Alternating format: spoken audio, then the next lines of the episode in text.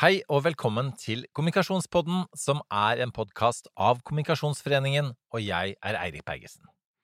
Hvordan legger en til rette for en kreativ kommunikasjonskultur?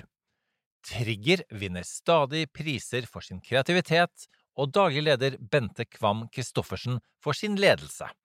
Hun forteller oss hvordan en skaper et arbeidsmiljø som fremmer idéutvikling. Velkommen hit til studio til deg, Bente Kvam Christoffersen. Tusen takk. Du er eh, jeg, jeg spurte deg nå rett før vi skrudde på mikrofonen om du er vel egentlig administrerende direktør og daglig leder i Ja. Trigger? Nei, jeg er daglig leder. Administrerende direktør er litt sånn eh, flottesten, så vi kaller oss daglig leder, tenker jeg. Mm. Men det, har, det er en funksjon Det er en å være funksjon. administrerende Ja, direktør også. riktig. Det er riktig. Det er riktig. uh, og det går bra med Trigger om dagen. Ja, det går veldig bra.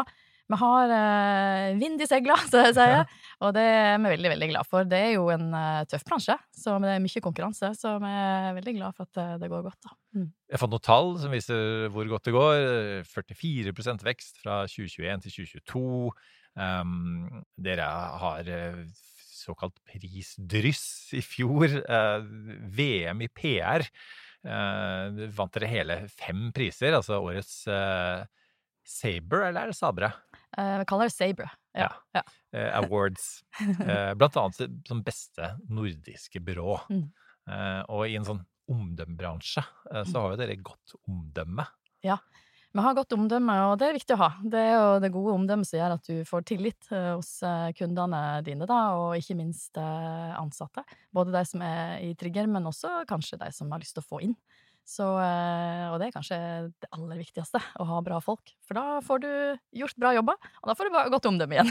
Så det er en god sirkel, da. Mm. Og det skal vi snakke litt mer om etter hvert, men eh, det var noen som sa til meg som at Trigger virker som et gøy sted å jobbe.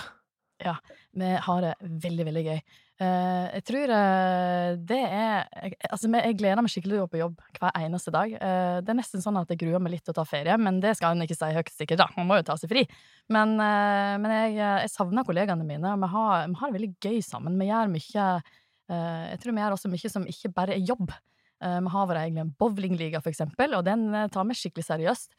Så det er en sånn rare ting som skjer hele tiden. da.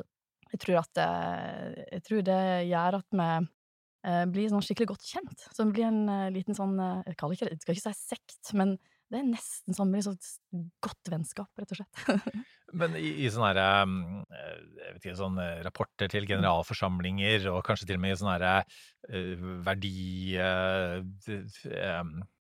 eh, ja, mål eh, for et selskap, så er det sjelden kanskje gøy på jobb står der. Men, men hvor viktig er det, og ikke minst for det vi skal snakke om nå, kreativiteten, faktisk å ha det gøy? Ja, eh, Og hvor lett er det å glemme det? Jeg tror det er veldig lett å glemme det, Ja. og faktisk i vår strategi så står det. Ja, Det gjør det, på ja. ekte. Eh, men for oss er det veldig viktig, det er helt avgjørende.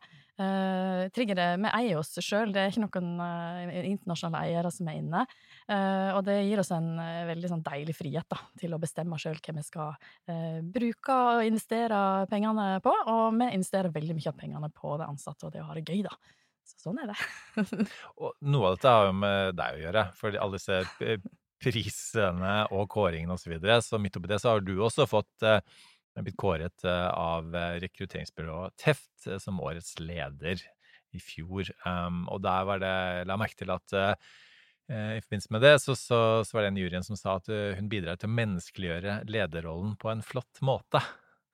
Hvordan gjør du det?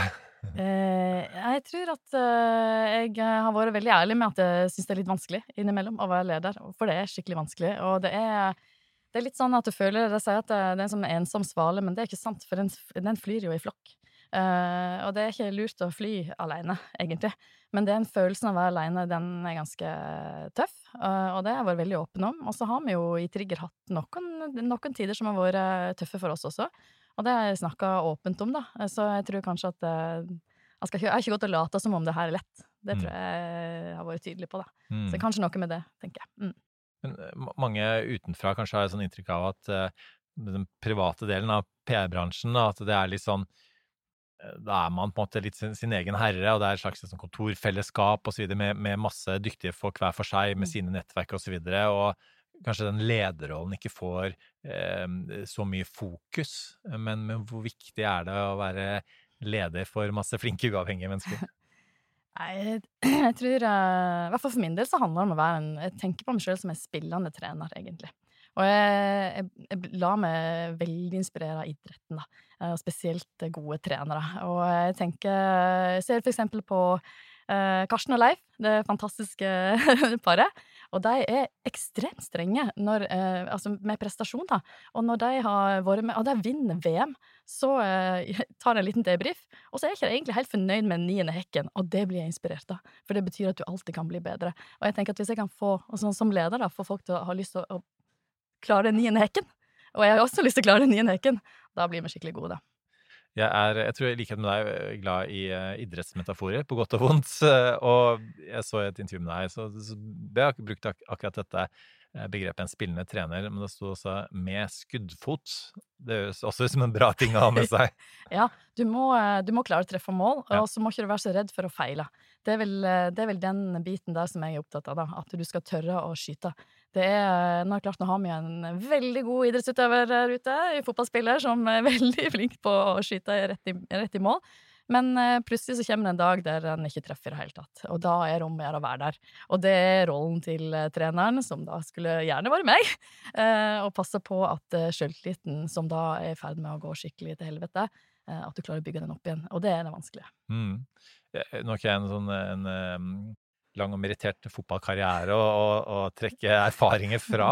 Men eh, så vidt jeg forstår, så handler jo på en måte ikke minst det å være spiss på, på der, ja, som du sier, den selvtilliten man får av rett og slett å skåre mål, for det er jobben din. Og skårer du ikke mål, så hjelper det ikke hvor eh, rettvendt du har vært i mellomrommet og, og gode løp du har gått på. Um, så, men, og det er jo ikke alltid man Eh, det er mange prosesser i din bransje som, som er lange ja. eh, før det man kommer til noe som helst eh, målsnøre. Ja, det det er, litt sånn Du må ha Det blir mye idrett, da, men du må ha kondis. Jeg har, ofte, jeg har også snakket om det med arbeidskondis, og det, det, og det mener jeg faktisk eh, er ganske godt begrep, da.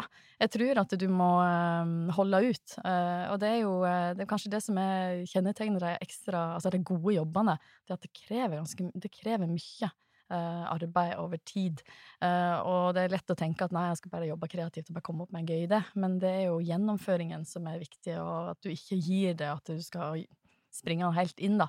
Uh, og da, da, må du ikke skli. Da må du holde fokuset hele veien, da før vi går til nettopp begrepet kreativitet, som vi helt sikkert burde begynt hele episoden med, så kan jeg ikke slippe sportsmetaforene. Fordi er det en ting Haaland er god på, og dette har jeg fra andre, um, så er jo på en måte det å, å måte være til stede i øyeblikket. Ikke sant? Altså det, det som skjer innenfor femmeteren på en dødball osv., og, så og bare mens andre lener seg litt tilbake, så er han eh, fremoverlent og utnytter da den eh, hvert, hver lille millimeter. Eh, hva, hva, kan man eh, lære av det?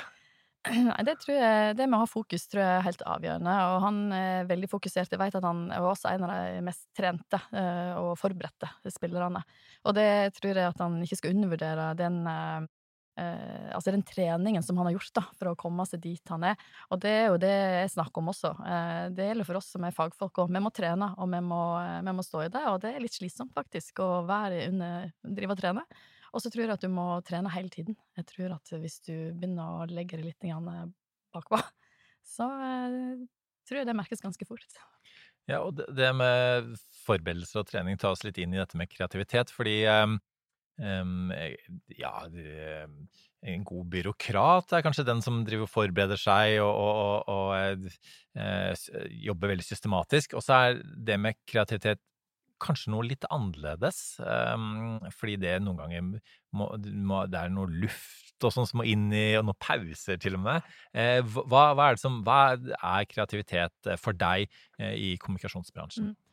For meg handler kreativitet faktisk også om å ha gode prosesser. Selv om det høres kjedelig ut, så handler det om å ha god forutsigbarhet. Og det handler om å gi tydelige briefer, tydelige rammer, gi en god innsikt, eh, være tydelig på når du skal ha ting levert. Eh, fordi at det, det, er greit at du skal ha luft, men skal ikke, det skal ikke være så mye luft at du ikke veit eh, Du må liksom ha, du må liksom ha et format, da. og så må du eh, ha en tydelig diskusjon hele veien på hva som er altså, være tydelig mål. Du må ha et mål der ute. Det må være et, hva er det vi faktisk skal oppnå. Eh, det er jo eh, også en del å holde det stramt nok. Eh, det, skal være, det må være stramt. Den brifen må være tydelig, og da blir det skikkelig gode løsninger. Så det er vel eh, det som er litt kunsten, og det er den vanskelige delen, syns vi ofte, da. Å, å spisse brifen nok, så vi klarer å engasjere målgruppene skikkelig. Altså, og selvfølgelig lage kreative uttak som engasjerer, men det er hvis det blir litt sånn ullent, så eh, er det ingen som bryr seg. Og det er det verste som fins. Mm. Er, er, er, det lov å eh, benytte anledningen til å knuse den myten en gang for alle at, at kreative prosesser i et byrå som ditt er å sitte i hver sin saccosekk og kaste en ball eh, og ja, la tusen blomster blomstre? Ja, det, det, sitter nok litt i saccosekken innimellom, faktisk. Ja. Det er når de har fått brifen og innsikt og alt det sånt gjort, så må de få lov til å sitte i et eh, kreativt rom, eller der de måtte ønske seg. Det kan av og til så ser ikke det rommet så veldig kreativt ut heller. Det kan jo bare være et vanlig møterom. Men, eh, eller jeg kan gå ut uh, av huset for å finne inspirasjon. Jeg har jo kreatører som tenker jeg, synes, jeg jobber best kreativt når jeg er på vei til jobben da, da, da går. Eh, og det har jeg også forska ganske mye på, at du tenker bedre når det er bevegelse. Så eh, jeg tror det er litt individuelt, faktisk. Men innimellom er det saccosekken, ja. ja. Ja, fordi altså, når man da skal sette kreativitet inn i et system for at det skal bli en såkalt kreativ kultur, altså hva, hva er det som må til da, for at, at eh, alle disse kreative sjelene trekker i, i samme retning og, og mot, mot, det samme målet som jo også kunden har. Ja, nei, jeg tror eh, i hvert fall for vår del så har vi jo, vi har jo kreatører som er liksom reindyrka kreative, men så har vi også, vi er opptatt av at det er ikke bare kreatørene som skal være kreative. Hele byrået skal tenke uh, kreativitet. Du kan være kreativ enten du jobber med Om du er prosjektleder, så skal du også tenke kreativitet. Og det er også gode rådgivere innenfor sitt område, da. Og da gjelder det å være, tenke helhetlig på det. Så vi, vi, vi dyrker kreativiteten i de ulike faggruppene hos oss. Og så har vi jo da felles møtepunkt de, de ulike gruppene imellom. Så, så det, det, tror jeg at det må du bare gå inn og dyrke sånn skikkelig. Og så er det alltid noen som er litt mer engasjert enn andre, og kanskje også mer erfarne. Da må du passe på at de får lært opp eh, de som ikke er så erfarne. Så det må smitte over på resten av gjengen, da. Eh, og så må du ha lyst til å lære, faktisk. Det er, det er sånn at du må sette deg inn i den ganske mye, og det, det må du ville. Mm. Mm. Og så eh, setter man jo sammen team. Eh, hva, hva, hva, er det som er viktig når man gjør det? Ja, for oss er det Vi har jo ikke faste team, for eksempel. Vi plukker inn folk etter det de er interessert i. Uh, enten noe de har jobba med før, eller uh, at de brenner for et eller annet. Vi er veldig opptatt av at du skal faktisk ha lyst til å jobbe med dette her, da. Uh, for det er, ikke alltid du, det er ikke alltid du er like interessert i, rett og slett. Og det har vi respekt for, da. Så vi setter sammen det teamet vi tenker er optimalt for å, for å få løst den, den, jobben. Da. Ikke bare på, på, kapasitet. Det er jo veldig fort, tror jeg, det er en feil å gjøre. At du bare tenker ok, men disse folka har tid, så vi putter den, den gjengen inn. Det tror jeg ikke er lurt. Nei.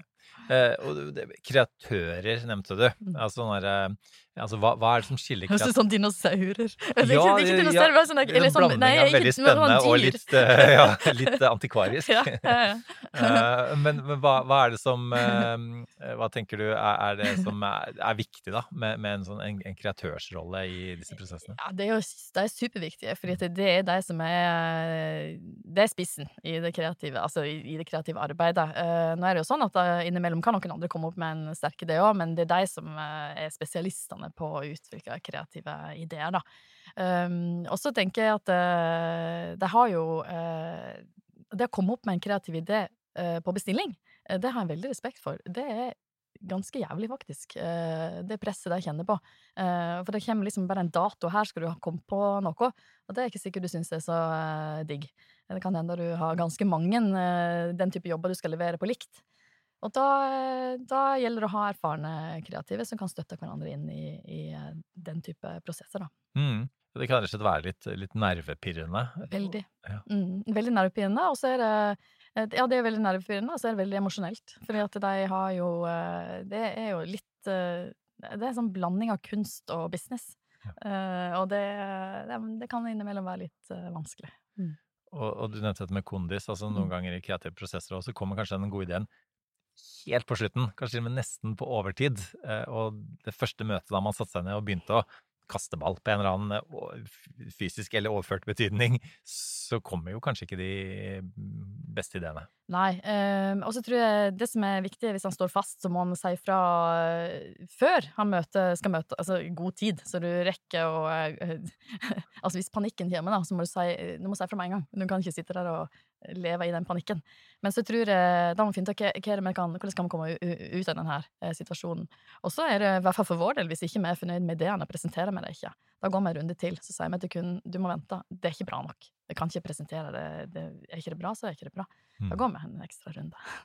Men og i den prosessen, kanskje også for kundens del, så, så oppstår det en, kanskje en, en, type stress. Eh, noen ganger er det negativt, og noen ganger kan det til og med være positivt. Hva, hva er, hvordan vil du karakterisere såkalt positiv eller kreativ stress? Nei, altså eh, Positiv stress er jo når du føler mestring. Når du kjenner at jeg har mye å gjøre, men jeg har kontroll. Jeg kan eh, Jeg veit når jeg skal få gjort det. Jeg veit at det blir hektisk, men jeg kan få gjort det. Eh, negativ stress, det er jo Nå får jeg panikk. Jeg klarer ikke å få levert. Jeg rekker ikke det og rundt. Jeg får, uh, dessuten har ungen min fått spysjuka, og kona er sur, og det går ikke. Så, uh, så hvis det blir alt dette som hoper seg opp, da blir det negativt stress, og da, og da, og da klarer du ikke å levere kreativt i det hele tatt. Mm. Da, det er ikke bra. Det er ikke sunt. og jeg tipper mange også føler på det som jeg òg føler, at det liksom i en Selv om man forstår alt dette eh, og har lange faser med positivt stress, så er det liksom den derre Dagen før man skal levere, så tenker man at det her er jo det dårligste jeg noensinne har lagd. Eh, og så viste det seg at det var det ikke, men man trengte kanskje en litt sånn finsliping på, på selve leveringsdagen. Eh, hva gjør du for å unngå at måte, man ja, at man mister hodet da, like før? Vi har egentlig ganske gode rutiner på øh, å ha øh, Vi involverer kundene våre i lappemøter, vi kaller det lappemøter, forskjellige idéretninger som vi presenterer for deg, der alt ikke er ferdig banka. Og det gjør at det blir Det er for så vidt stress, for ideen er jo Du må jo ha en god idé. Men du trenger ikke, alt trenger ikke være så pynta og se så ferdig ut. Og det gjør at uh, det er også kanskje litt lettere for en kunde å forestille seg og diskutere hvordan det kan bli, som involverer egentlig kunden litt i den prosessen. Og det, det, har nok tatt ned litt det stresset. Det trenger ikke være en keynote på 100 slides som skal være helt sånn nydelig. Det kan, det kan vi gjøre etterpå. så det er neste fase mer, da. Men, uh, men jeg sier ikke at det er lett, altså. For uh, det må jo være en god idé der. Mm. Uansett. Det må det. Og uh, derfor har vi jo kreative ledere hos oss som er sterke, og som skal være med inn. Og vi har sterke rådgivere også som kan være med inn og støtte inn i det kreative arbeidet. Da. Sånn at vi, skal, vi, kan For det å plukke den gode ideen, det kan være ti ideer på tavla, og så, det, skal, du klare, så skal du ta den beste. Eller kanskje to. Og da er, gjelder det å ha litt erfaring på å ta den har det beste potensialet. Mm. og, og, når man henter inn et byrå på den måten der, så, så, er det jo litt selvfølgelig fordi at man ikke har den kreativiteten eh, in-house. Og, og, og, forhåpentligvis har man kunder som allikevel klarer å anerkjenne og verdsette kreativitet. Men hva gjør man hvis man ikke har det, da? Hvis det er, du er en kunde som tenker at å, de, de, skjønner ikke engang eh, hvor vi vil hen. De, de, de, klarer ikke å sette pris på den kreative prosessen her. Nei, da må vi snakke litt med kunden, mm. rett og slett. Og så er det jo eh, innimellom så opplever vi at, eh, opplever at kundene er, er gode, da. Eh, og at de har god forståelse og respekt eh, for arbeidet som blir gjort. Eh, men det er klart at det kan jo være viktig at kunden forstår eh, hvor hen vi er i den kreative prosessen.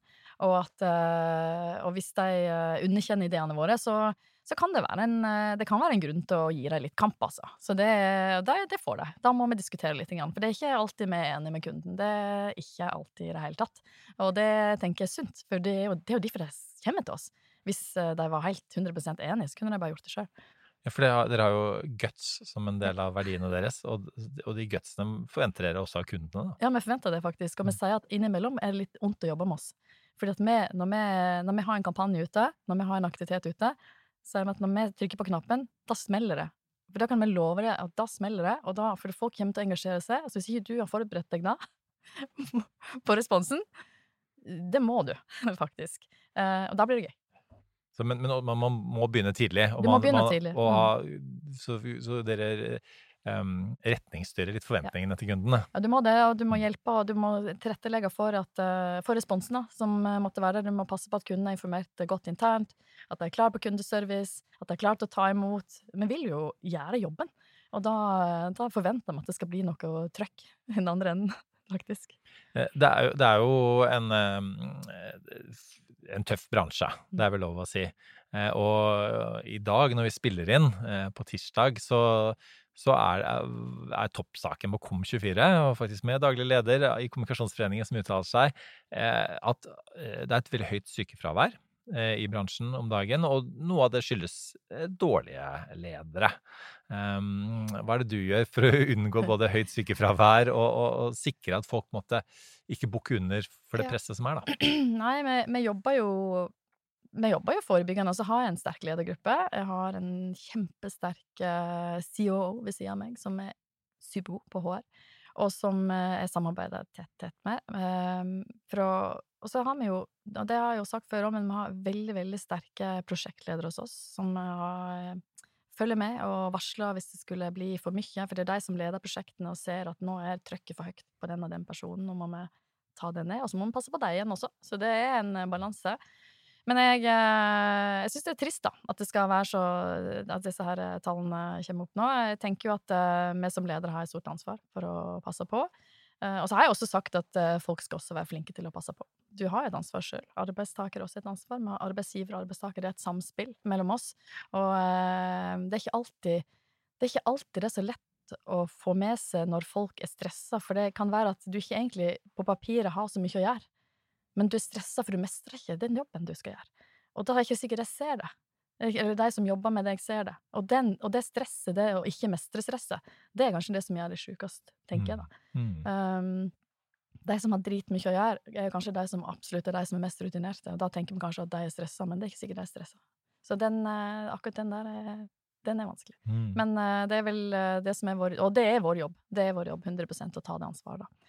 Så eh, som jeg sier, arbeidsrelatert eh, fravær tar vi skikkelig på alvor. Det må vi passe på. Mm. Samtidig, det er vel et eh, ganske bra trøkk i et Nordens beste PR-byrå? Ja, det er vi veldig glad for, faktisk, at det er bra trøkk. Eh, bransjen er jo konjunkturutsatt, og nå er, det, nå er det jo veldig mange byråer som også har merka at det kanskje går litt dårligere. Eh, det er bra trøkk, og det, og det, skal det være. Jeg tror at eh, han, han, han, skal ha mye å gjøre, da jobber han bedre, og så skal du ha kontroll mens du driver på. Mm. Har du noe, hvis du skal gi noen sånn tips da, til, til god lederkommunikasjon eh, hva, hva, og Det sitter sikkert en del ledere som hører på nå, og som, som sliter med, med sykefravær osv. Og, så videre, og, og gjør så godt de kan, men hva, hva, hvilke ekstra ting føler du at de bør gjøre? Altså Når det gjelder stress, så tenker jeg at uh, der gjelder det å ha et godt team rundt seg. Fordi som leder, så du, jo, du skal jo lede gjennom andre, og du kan ikke ha kontroll på alt. Så du må uh, sørge for at du organiserer sånn at du klarer å fange opp det stresset som måtte være i organisasjonen. da. Og så tror jeg at du uh, som leder er, er jo er nok mye rundt. Uh, går litt rundt og sjekker litt uh, stemning. Sånn, kjennes, prater med folk, da. Uh, litt uformelt. Og du må være interessert i folka dine. Uh, for da kommer de til deg, hvis det er noe. Du må åpne opp, tror jeg. Uh, og så skape en psykologisk trygghet. Det er, det er, veldig viktig at folk også tør å si fra når de ikke har det så bra. Uh, og så vil jeg jo helst at de skal ha det bra hele tiden, men innimellom så er det ikke så lett. Og så ikke undervurdere, tror jeg, kommunikasjon. Jeg tror jo veldig på å kommunisere mye med, med folk, da. At de føler At de får litt sånn sekundering på både hvordan du gjør det uh, sjøl, men også på uh, hvordan det går i, i, virksomheten. Sånn at du hele tiden uh, føler at det er en mening med det du driver på med. Så uh, da, da, er det litt lettere at, du, at, du, at det kommer til deg, om det skulle være noe. Men lett er det jo ikke, sier ikke det. hvor viktig, apropos ikke lett, hvor viktig er det å skape trygghet som grunnlag for kreativitet? Jeg tror det er helt avgjørende. Jeg tror det er en av grunnene til at uh, vi lykkes, at vi har, et trygt arbeidsmiljø. Da. At det ikke er uh, det er et høyt press og høye forventninger, og vi er jo med på Vi melder oss jo på uh, konkurranser for å, for å, prøve å måle oss med de beste. Sånn, det er jo det vi syns er gøy, da. Men det er jo de resultatene vi skaper hver dag, som er det viktigste. sant?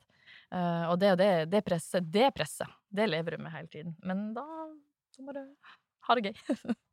det, det, um, siden du ikke nevnte det selv, da, jeg synes jeg får slenge med da, at uh, apropos konkurranser, at dere akkurat vant uh, gull i Annonsørforeningen uh, på, på, Kiwi og skolekravet, ja. altså mm. for, for, bærekraft, da. Mm. Um, og, og, det er jo gøy å vinne priser, og det er jo en, en, en verden hvor man fakturerer. Mm. Og så er det som du sier, men den fakturerbare ideen kan jo være at man får på joggeturen eller på trikketuren ja. eh, på vei til, til jobb. Eh, mm. Hvordan organiserer man eh, ja, kreativitet i en sånn fakturerbar bransje? Er, er, det, noe, er det noe motstrid liksom i, i seg selv? Nei. Nei, egentlig ikke, fordi at vi har jo eh, Det blir jo som et system. Du må, lage du må gjøre det i et system, rett og slett. Da. Og når du skal eksempel jobbe med Kiwi, da, så er det jo eh, det er en idé som skal utvikles. Det, en, eh, det skal gjennomføres, det skal produseres eh, forskjellige elementer, og så skal det følges opp. Um, og, og, det er jo en, det er et langt løp, og det er mye som skal gjøres innimellom der, men vi stykker opp i faser, og det er veldig sånn tydelig hvem som gjør hva i ulike faser. Og, så det er, det er, som en sånn Jeg tror det kunne sammenlignet med å være på et bakeri eller noe sånt, nesten sånn. Det er sånn kokkene eller bakeren driver på og putter litt uh, ikke sant? Deigen må heves. Det, det, er, det, er, mye likt, altså. Um, det å ja, heve deigen versus å he, altså heve en idé som skal stå til heving.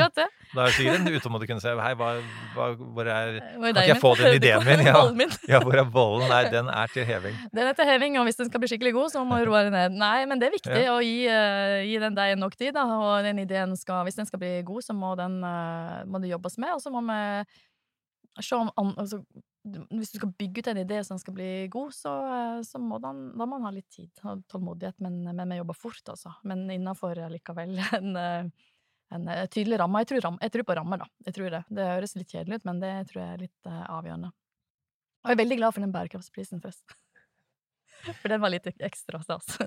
det skjønner jeg. Dette med tilbakemeldinger. Det er mm. også noe som eh, både kan eh, skape utrygghet og, negativ stress og, og, det hele tatt. Eh, hva, hva, er det dere gjør for å sikre at, at det oppleves som så konstruktivt som ja. mulig? Skape en kultur for, for, det.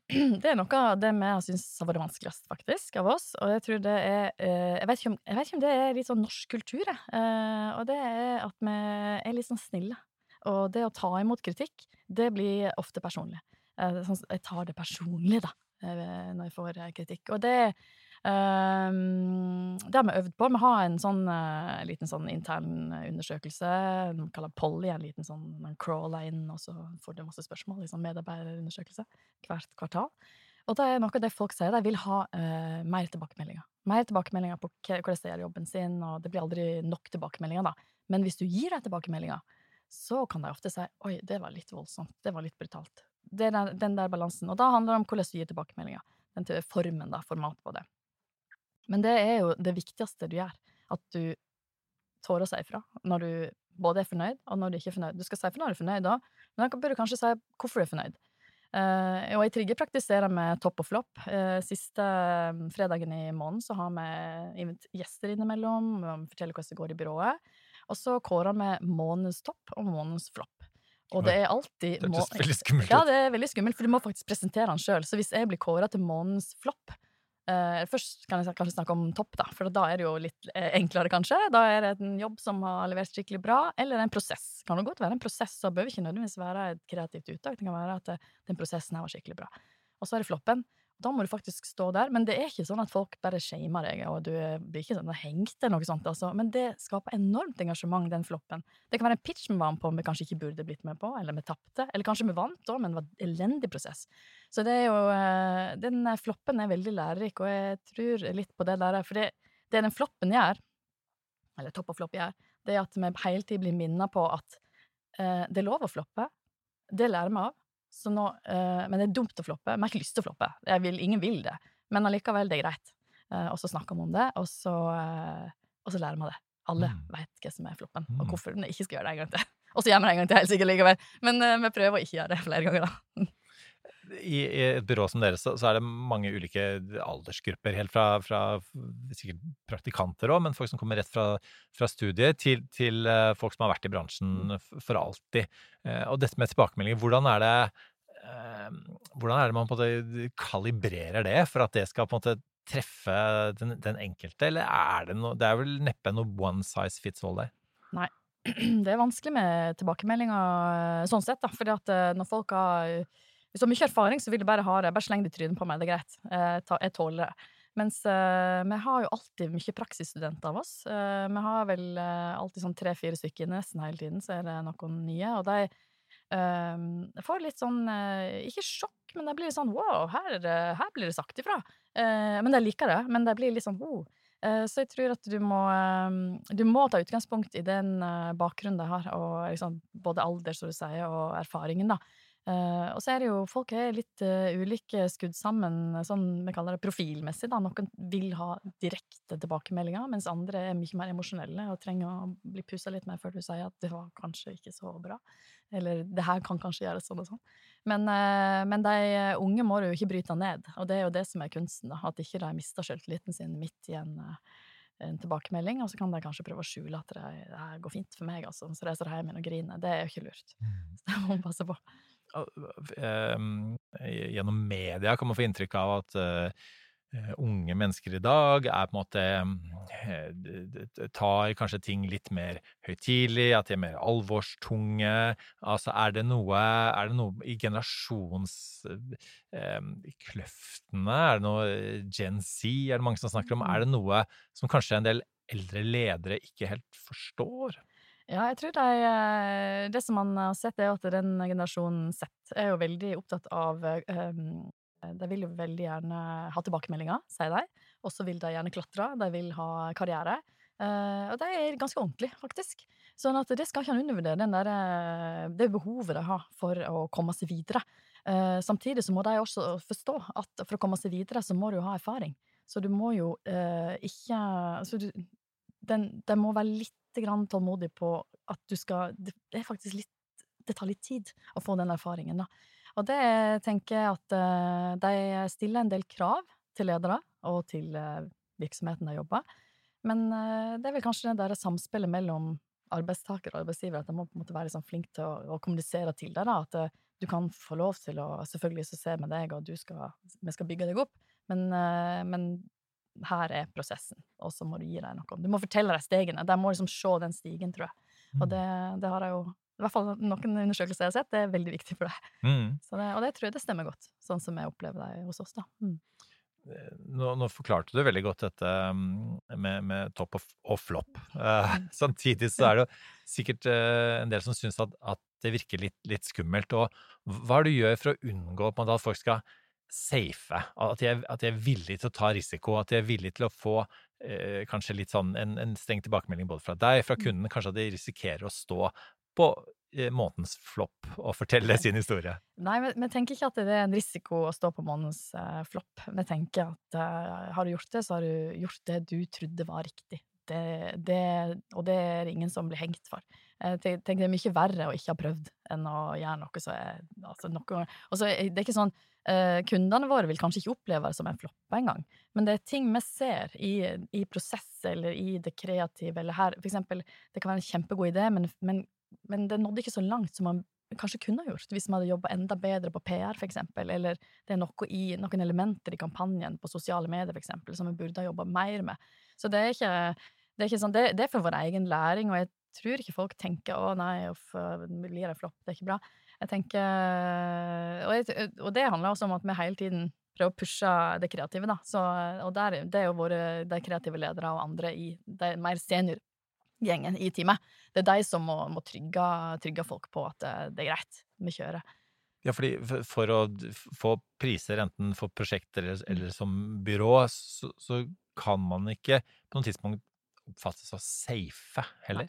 Hvor lett er det at, at, man kan havne i en sånn situasjon? Mm, nei, jeg tror at da er du Jeg skal ikke si at du er ferdig, men jeg tror det er skummelt. For eh, jeg tror at hvis du driver og lager en litt sånn gjennomsnitt, så tror jeg at uh, det er ikke derfor kundene kommer til deg. De kommer til deg for de vil ha dritbra kommunikasjon. Og det skal være i verdensklasse. Da. Og vi, vi, strekker oss der, altså. Vi sier at uh, vi skal lage kommunikasjon som er blant liksom, Det skal være liksom best i verden. Det er det som er ambisjonen, da. Så ler når jeg sier det, men det er gøy å strekke seg. Uh, og uh, så syns vi jo norsk kommunikasjonsbransje er jo veldig sterk. Så hvis du hevder det her, så hevder du det ofte internasjonalt. Det syns jeg er veldig gøy. Eh, så et lite land kan klare å hevde seg så godt. Men eh, jeg tenker du må bare pushe, da. Mm. Mm. Ja, altså, eh, dette med brainstorming, eller idémyldring, da, vel, er det beste norske ordet for det. Det er jo, er jo Man sier noen ganger at, at, at det i store grupper så dør idémyldringen. Um, eh, og det er en, um, en veldig fin podkast som, som, TED har, som heter Worklife, som, hvor man snakker om The Daily Show med, med Trevor Noah, hvor, hva de gjorde for å, for å sikre at, at, ideene skulle leve, leve da, eh, i store møter, og til og med når sjefen, programlederen, kommer og legger fram sine ideer, og alle tenker som at ja, vi bør kanskje applaudere sjefens ideer. Eh, men, men, de, liksom, de klarte også å skape en kultur som gjorde at, at eh, de beste ideene vant allikevel.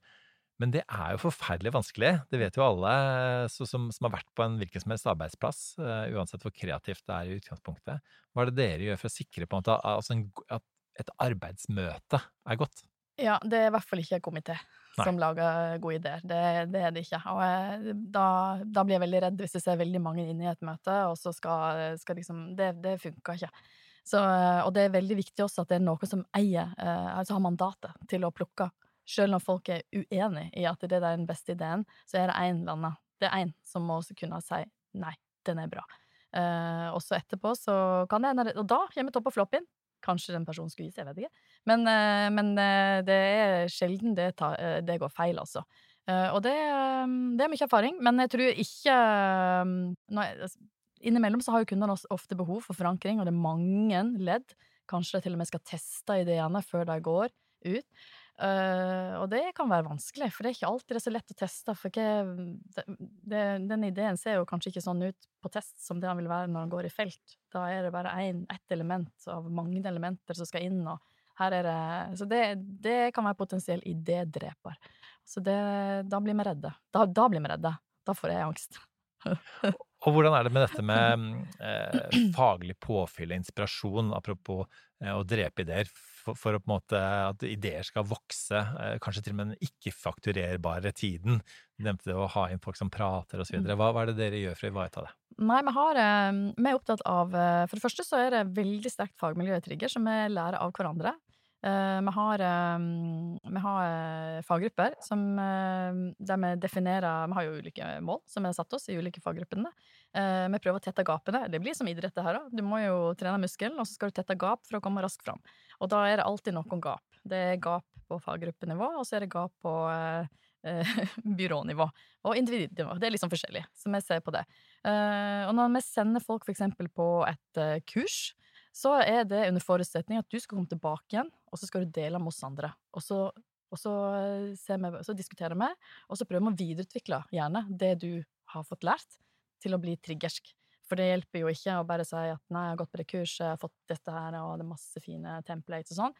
Men det kan jo ikke vi bare bruke. Da må vi tenke 'passer det inn?' Da må vi være liksom kritiske til det. Uh, og det, det, gjør vi, og det har vi gjort mange ganger. Også noen ganger så skal du bare reise på et kurs, eller du skal bare reise rett og slett til Lisboa for å bli inspirert. Og det er bra, det òg. Så det her er en balanse, da, som jeg prøver å finne ut av. Men vi har satt av en uh, liten pott som vi fordeler ut, og så må folk må søke da, om å, om å, få lov til å være med på uh, Eller få den fra den potten. Mm. Og så handler det om for eksempel sånn som så her, en podkast. Vi har jo hatt folk som interessert i uh, å lære mer om podkast, og så sier de kanskje jeg skulle ha min egen podkast. Ja, da kan du vel det. Så gjør du det. Og så kommer de tilbake og forteller oss om hvordan det egentlig er å lage en podkast. Eh, og det er vel den beste læringen, tror jeg, å være litt i det, og da blir det inspirasjon. Så mm. ja, det er en sånn blanding, da. Men vi, er vel egentlig, og det tror jeg kanskje er en litt nøkkelen, det er vel at vi, vi prøver å være litt nysgjerrige, eller ikke prøver, vi er veldig nysgjerrige, alle sammen på faget vårt. Og så er det jo veldig mye utvikling i faget også. Det er så mye utvikling at det, det går så fort at en nesten ikke klarer å henge med. Uh, og da må en jo ikke få panikk. For kan, da kan jeg få litt panikk innimellom. Tenker bare 'henger med nå?' Er det, sånn, da er vi sånn er vi, gode nok? Pass på.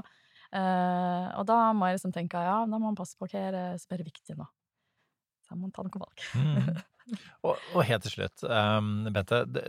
Uansett hvor flinke man er på dette her, så er det som vi vet at kommunikasjonsbransjen, kanskje nettopp fordi den er kreativ, så, så søker folk nye utfordringer, og ikke minst i byråverden. Man, man blir ikke så lenge eh, nødvendigvis i et eh, byrå det er noe sånn tre til fem år cirka, i Ja. gjennomsnittet. Mm. Eh, og, og, og det, det handler ikke nødvendigvis om at man ikke trives, eh, men eh, eh, man, man vil videre, man vil utvikle seg, man vil eh, eh, jobbe på ulike felt, eh, ulike steder.